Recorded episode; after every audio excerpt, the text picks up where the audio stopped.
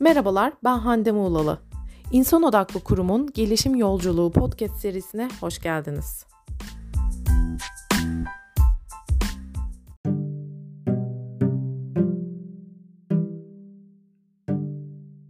B2B pazarlama stratejisinin ilk adımı müşteriyi dinlemeydi. Müşteri içgörüsü yani müşteri dediğimiz hem e, iç müşteri hem de dışarıdaki müşteriyi baz alıyorduk. Müşterinin içgörüsüyle bütün stratejimizin temellerini ortaya koyuyoruz. E, bugünkü konumuz vizyonu oluşturmak. E, vizyon ve misyon ifadeleri aslında neredeyse tüm şirketler tarafından yanlış anlaşılmış ve yanlış bir kullanıma sahip olduğunu görmekteyiz. Bu kadar yanlış anlaşılmış bir şeyin de e, tüm web sitelerinde yer alıyor olması yani ihmal edilmemesi ama kullanılmaması da bana çok garip geliyor. Yani anlamsız bulunuyorsa neden kullanılıyor? Eee eğer kullanılıyorsa neden anlamlandırılmıyor açıkçası bunu çok anlamış değilim. Bazen çok e, kopyala yapıştır e, bakış açılarımız var e, kurumlarda, şirketlerde. İşte bir önceki başka bir şirketin web sitesinde bu var. O zaman biz de bunu yapalım gibi bir zihniyet oluşuyor. Ama e, vizyon ve misyon çok çok çok önemli bir konu. E, birazcık onlara değineceğim. Misyon nedir? İlk önce ona bakalım. Misyon aslında e, bizim şirketimizin neden kurulduğunu, neden var olduğunu ortaya koyan bir ifade. Yani bu şirket, bizim şirketimiz olmasa dünya nelerden mahrum kalırdının bir cevabı aslında misyon. Ee, burada örnek verebileceğim neredeyse çok az firma var bu misyon ve vizyon ifadeleri için. Volvo'nun e, kurumsal web sitesine girdiğinizde bunun çok güzel ifade edilmiş olduğunu gördüm. Sizin de buradan örnek alabileceğinizi, neleri anlat, e, anlattığım şeylerin neler olduğunu anlamanız için Volvo örneğini veriyorum. Yani burada e, ortaya çıkardığımız ürünün ya da hizmetin e, müşteriye ne değer kattığını aslında ne fayda sağladığını ortaya koyup bunu e, içselleştirip ve büyüterek bunu misyon ifadesi olarak sunmamız gerekiyor. Misyon ifadesi şu anki yani şirketimizin kurulduğu andaki ifadesidir. Misyon ifadesinde gelecek vaatler, gelecekle ilgili bir hedef yoktur. Şu anki durumu ifade etmelidir ve içinde e, tutarlı, bize özel, bize ait e, bir ifade yer almalıdır. Vizyona baktığımızda ise vizyon e, görmek anlamı katıyor. Görmek demek aslında vizyon. Ee, yani aslında ileriyi, bundan sonraki 5 yılı, bundan sonraki 10 yılı hedefliyoruz. Biz 10 yıl sonra bu şirketimizi nerede görmek istiyoruz? Ama görmek istediğimiz yer kesinlikle karlılık, büyüme, gelir, ürün vesaire değil.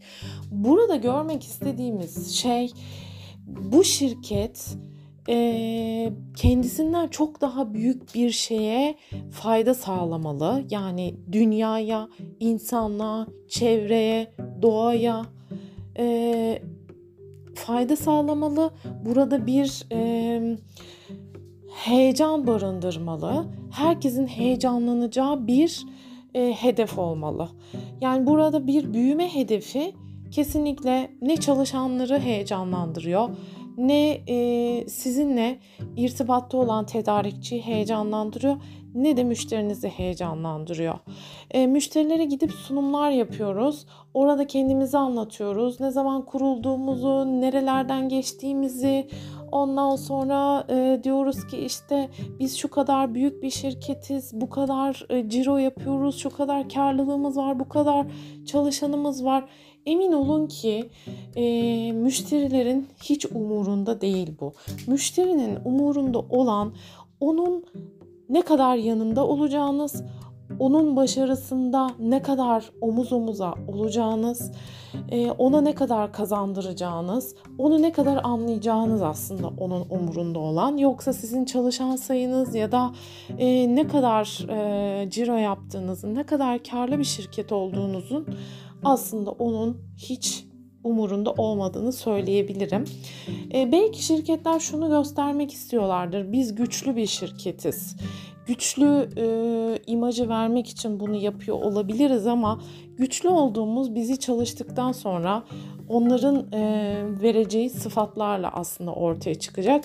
Biz ilk önce onların yanında olarak e, onların ne istediğini anlayarak onlara daha fazla kazandırmak için yapacağımız faydalar zaten e, yaptığımız işi gösterecektir diyebilirim.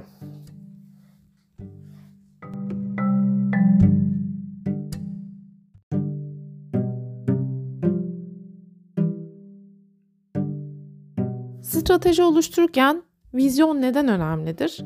Vizyonun iki büyük faydası var şirketler için. Birincisi içinde büyük bir anlam barındırması, ikincisi ise kesinlik ifadesi. Anlam kişiler için bile yaşama e, yaşama sarılmalarını coşkuyla ve heyecanla yaşamalarını sağlayan önemli bir şey. Yani eğer hayattaki amacımızı bulmuşsak onun uğruna çabalamaktan keyif duyuyoruz. Ama bu anlamı bulamamışsak e, her gün monoton ve her yaptığımız şeyin e, anlamsız gelmesi çok doğal. İşte kendi anlamını bulamayan insanlar genellikle e, bazen e, depresyona girmeye daha eğilimli bir hale geliyorlar. E, bazıları için bir çocuk yetiştirmek, bazıları için bir kitap yazmak, bazıları için e, sivil toplum kuruluşlarında fayda yaratmak aslında hayatın anlamı olabiliyor.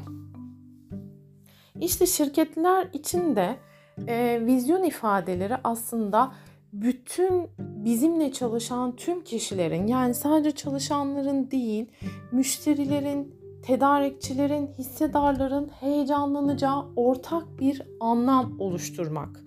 Vizyon bizim gelecekteki bizden daha büyük bir e, kitleye faydamızın dokunacağı bir hedef anlamına geliyor.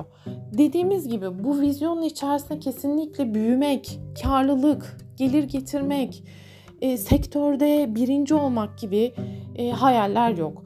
Bu hayaller sadece patronu ya da hissedarları mutlu edebilir. Çalışanları bile mutlu etmez e, herkesin ortak sevinebileceği şeyler dünyada birilerine faydalı olmak, dünya için çalışmak olabilir.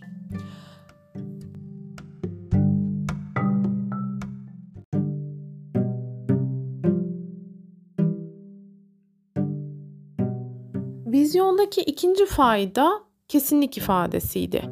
Kesinlik derken şunu kastediyoruz. Hedefimizde vizyon hedefimizde eğer dünya için temiz bir e, dünya bırakmaksa e, kullandığımız e, makinelerin, e, fabrikanın ya da ürettiğimiz ürünün aslında çevreye olan faydasını görmezden gelmemeliyiz. Ya da ürettiğimiz atığın e, çevreye olan zararlarını görmezden gelemeyiz. Bunlar vizyonumuzun temelinde varsa biz artık e, çevreyi kirleten bir ürün e, ya da proses e, ya da e, seçtiğimiz tedarikçinin çevreyi kirletmesine izin vermemeliyiz. Yani burada kesinlik derken bazı şeyleri artık elimizin tersiyle itmeye karar vermemizdir ki bu bazen aslında ilk aşamada parasal olarak bizi e, gelir getiren bir şeyden e, elimizin tersiyle itmemize de sebep olabilir. Ama bu uzun dönemde bize kazandıracak bir şeydir. Zaten vizyon kısa dönemli değildir. Vizyonlar her zaman e, geleceği vaat ettiği için bizi uzun dönemli hedeflerimize ulaştıracak yegane etmenlerdir. Yani vizyon bizim kiminle çalışacağımızı, hangi ürünü üreteceğimizi, nasıl bir altyapıyla, nasıl bir prosesle e, hizmet edeceğimizi belirleyen, kesin kesinleştiren e, yegane ifadedir diyebiliriz.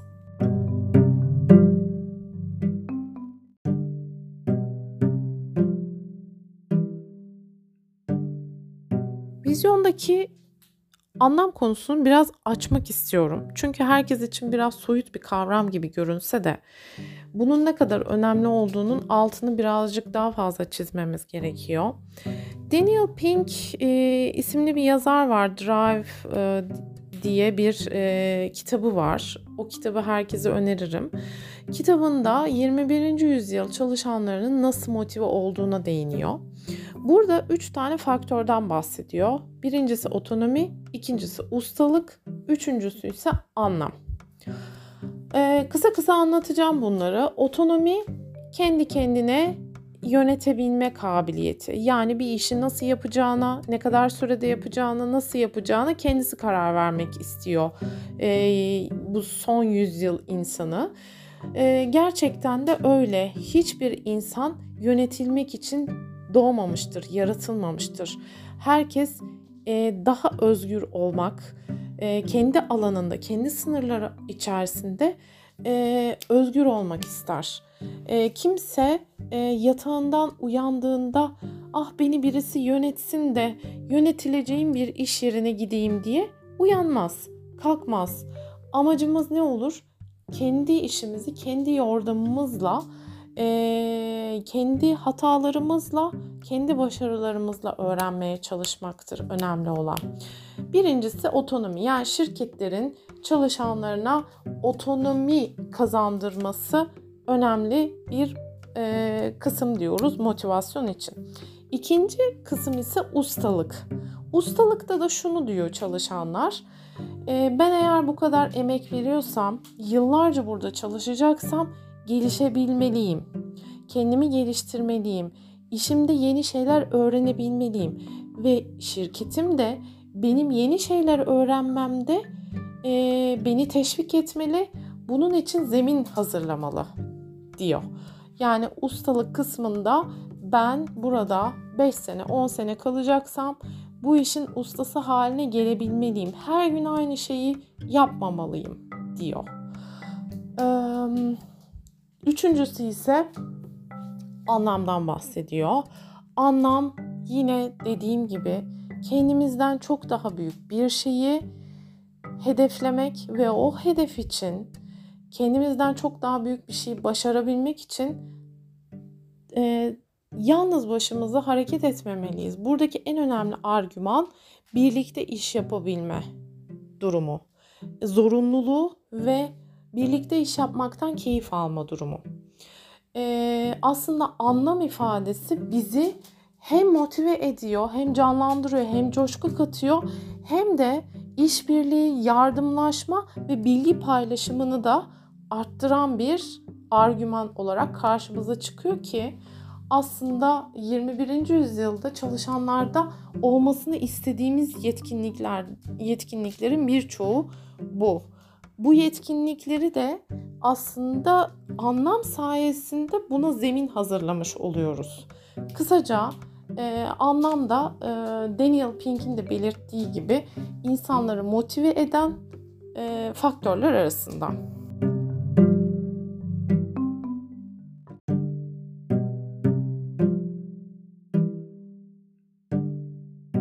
Çalışanların nasıl motive olduğu konusunda e, Frederick Herzberg de çalışmalar yapmış.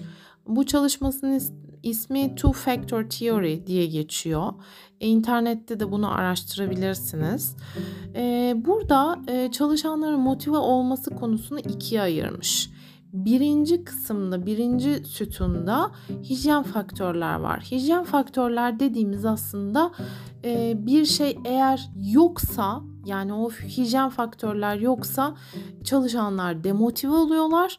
Hijyen faktörlerin var olması motivasyonu arttırmıyor. Yani şöyle diyebiliriz. Bir arabada emniyet kemerinin bulunması bizi wow bu araba muhteşem bir şey dedirtmez. Ama e, o arabada emniyet kemeri olmazsa deriz ki bu ne biçim araba böyle bir araba mı olur deriz. Yani hijyen faktör dediğimiz olmazsa olmazlar aslında. Şimdi hijyen faktörlere gelirsek Frederick Herzberg yaptığı bu çalışmada yaklaşık 203 tane mühendisle bu çalışmayı yapıyor. Çalışan mühendislerle yapıyor bunu. Şöyle bir şeye varıyor iyi bir ücret, iş garantisi ve yanaklar aslında çalışanlar için e, olmaması durumunda demotive edici bir yapı. Olmasının motive edici bir yapı olmadığından bahsediyor. Yani iyi bir ücret verilmesi çalışana onu motive etmez ama vermediğiniz takdirde demotive olmasını sağlarsınız diyor. Bu e, sadece ücret için değil iş garantisi ve yanaklarla ilgili konularda da durum aynı. Bir de motivasyonu arttıran etmenler var. Motivasyonu arttıran etmenlerin başında da neler geliyor? Mücadele gerektiren işler. Ee, yani her gün yine aynı işi yapmaktan bahsetmiştik Daniel Pink'te. Her gün aynı işi yapmak aslında bizi motive etmiyor. Mücadele gerektiren işler yapmamız gerekiyor. Başarının görülmesi gerekiyor. Ee, kararlara katılma e, ihtimalinin olması. Yani çalışanlar kararlara katıldığı zaman daha motive hissediyorlar kendilerini. Organizasyon için önemli olma duygusu bu da motivasyonu arttırıyor ve en önemli kısım gelmek istediğim nokta ise anlamlı bir şey yapma fırsatı. Yine burada da anlama e, den vuruluyor. E, bunlar yıllar önce aslında 1940'larda 1960'larda bulunmuş motivasyon e, verileri bunlar aslında. Ama e, halen günümüzde bile kullanılamıyor olması e, birazcık şaşırtıcı. Belki yöneticilerin bu konuda çok fazla bilgisinin olmamasından kaynaklıdır. E, bilemiyorum ama e, bunlar e, hakikaten çok önemli konular. Anlam e, gördüğümüz gibi çalışanların motivasyonu konusunda da çok önemli bir durum ve şirketin gelecekteki e, hedeflerine ulaşması konusunda, dünyaya faydalı olması konusunda da önemli bir kısım diyoruz.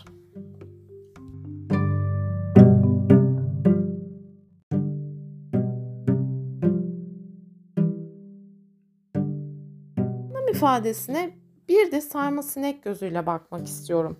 Sarma sinek şöyle bir teori ortaya atıyor. İnovasyon konusunda büyük şirketler neden küçük şirketler kadar başarılı olamıyorlar? Büyük şirketlerin bu konuda yaptıkları tek şey küçük şirketleri satın almak. Küçük şirketlere baktığında hedefleri sadece hayatta kalmak ilk aşamada.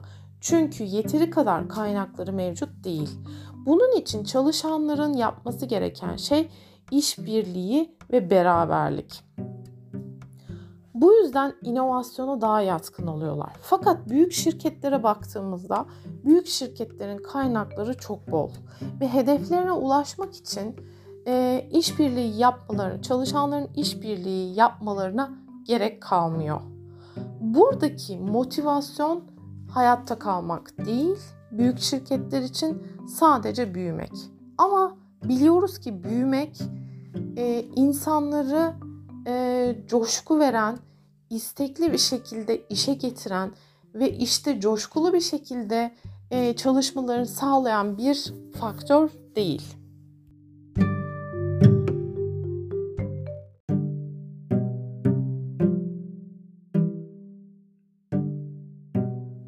Sarma sinek bu noktada şunu söylüyor liderlere. Eğer coşkulu, ateşli e, ve hedefine adanmış bir çalışan yaratmak istiyorsak, çalışan kitlesi yaratmak istiyorsak burada onlara bir büyüme hedefinden daha çok şey vermemiz gerekiyor. Burada onlara neden büyümemiz gerektiğini anlatmamız gerekiyor. Çünkü insanlar büyümek için, şirketlerini büyütmek için çalışmazlar. Neden için çalışırlar? İşte bu neden de aslında anlamı ifade ediyor. Ve burada da büyük şirketlere e, önerisi şu. E, kaynaklarından çok daha fazla kaynaklarını aşan bir hedeflerinin olmasından bahsediyor. Çok daha büyük şirketin şirketten çok daha büyük bir hedef ortaya koymaktan, büyük şeyler başarmaktan bahsediyor. Ee, bunu hedef almak. Belki başaramayacağız belki olmayacak ama hedefimizin kaynaklarımızdan çok daha büyük olmasını üzerine basa basa söylüyor. E, ayrıca bu hedefi anlaşılır bir hale getirmek. Çünkü bazen e, liderler bu hedefleri belirtirken bazen anlamsız e, olabilir çalışanlar için.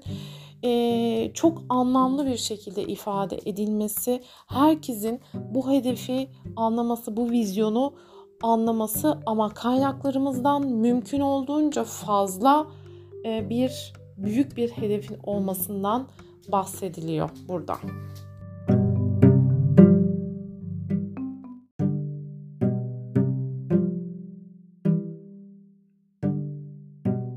Vizyonun ne olduğu, nasıl ifade edilmesi gerektiği, şirket açısından, müşteri açısından, tedarikçi açısından vizyon ifadesinin ne fayda sağladığına değindik.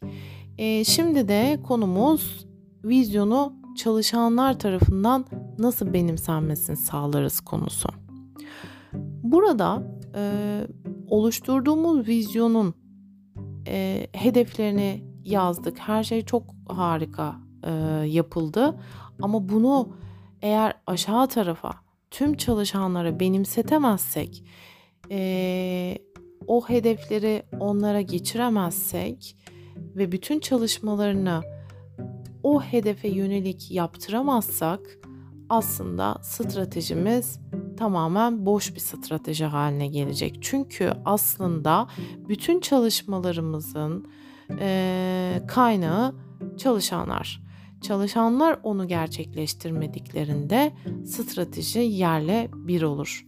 O yüzden bizim için e, vizyonu oluşturmak kadar anlamlı e, ve gerçekçi bir vizyon oluşturmak kadar bu vizyonu e, onlara benimsetmek, uygulatmak, e, hissettirmek de çok büyük bir görevimiz. Bunun için başlangıçta e, zaten iç çalışan, e, iç müşteri olan çalışanlarımızın zaten içgörülerini almıştık. Ama sadece vizyon oluştururken onların içgörüsünü almak yetmiyor. Onların katkısını e, da almamız gerekiyor. Yani bütün çalışmalarda onların da fikirlerinin olması, onların da çalışmalara dahil edilmesi çok önemli. Eğer çalışmalara dahil olurlarsa bu fikirleri benimsemeleri çok daha kolay olacaktır. Eğer e, tepeden inme ifadeler onlara sadece önlerine konulursa, onların hiçbir kararda e, bir e, etkileri olmazsa, bir faydaları, bir katkıları olmazsa tepeden inme bir ifade onların kabul etmesini çok kolaylaştırmayacaktır. Tam tersi zorlaştıracaktır. O yüzden çalışanın katkısını, fikirlerini e, ve çalışmalara dahil edilmesi bu anlamda çok önemli diyebiliriz. İkinci önemli kural yine benimsenmesi konusunda e, tüm kararlarımızı alırken vizyona dönüp bakmalıyız. Vizyon vizyonumuza ve hedeflerimize dönüp bakmalıyız. E, bu kararlarda e, vizyona uymayan, hedeflerimize uymayan, çakışan, çelişen bazı olgular varsa onları değiştirmemiz gerekiyor.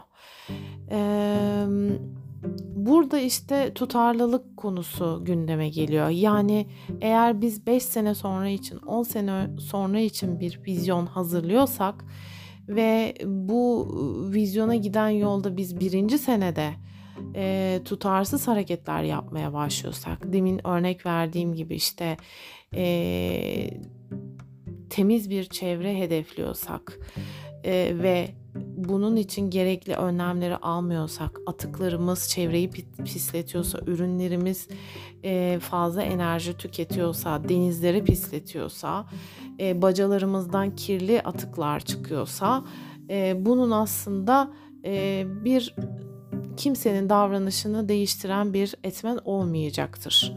O yüzden başta tepe yönetimin bu tutarlılıkta olması, kararlarını alırken vizyona uygun hareket etmesi, bizimle birlikte çalışan hem tedarikçiler hem e, çalışanlarımız e, bu tutarlılığımızı gördüğü zaman kendileri de aynı tutarlı davranışları sergilemeye hazır olacaklardır ve bu takdirde de e, hem vizyonu gerçekleştirmek hem de vizyona giden hedefleri gerçekleştirmek için istekli olacaklardır diyebiliriz.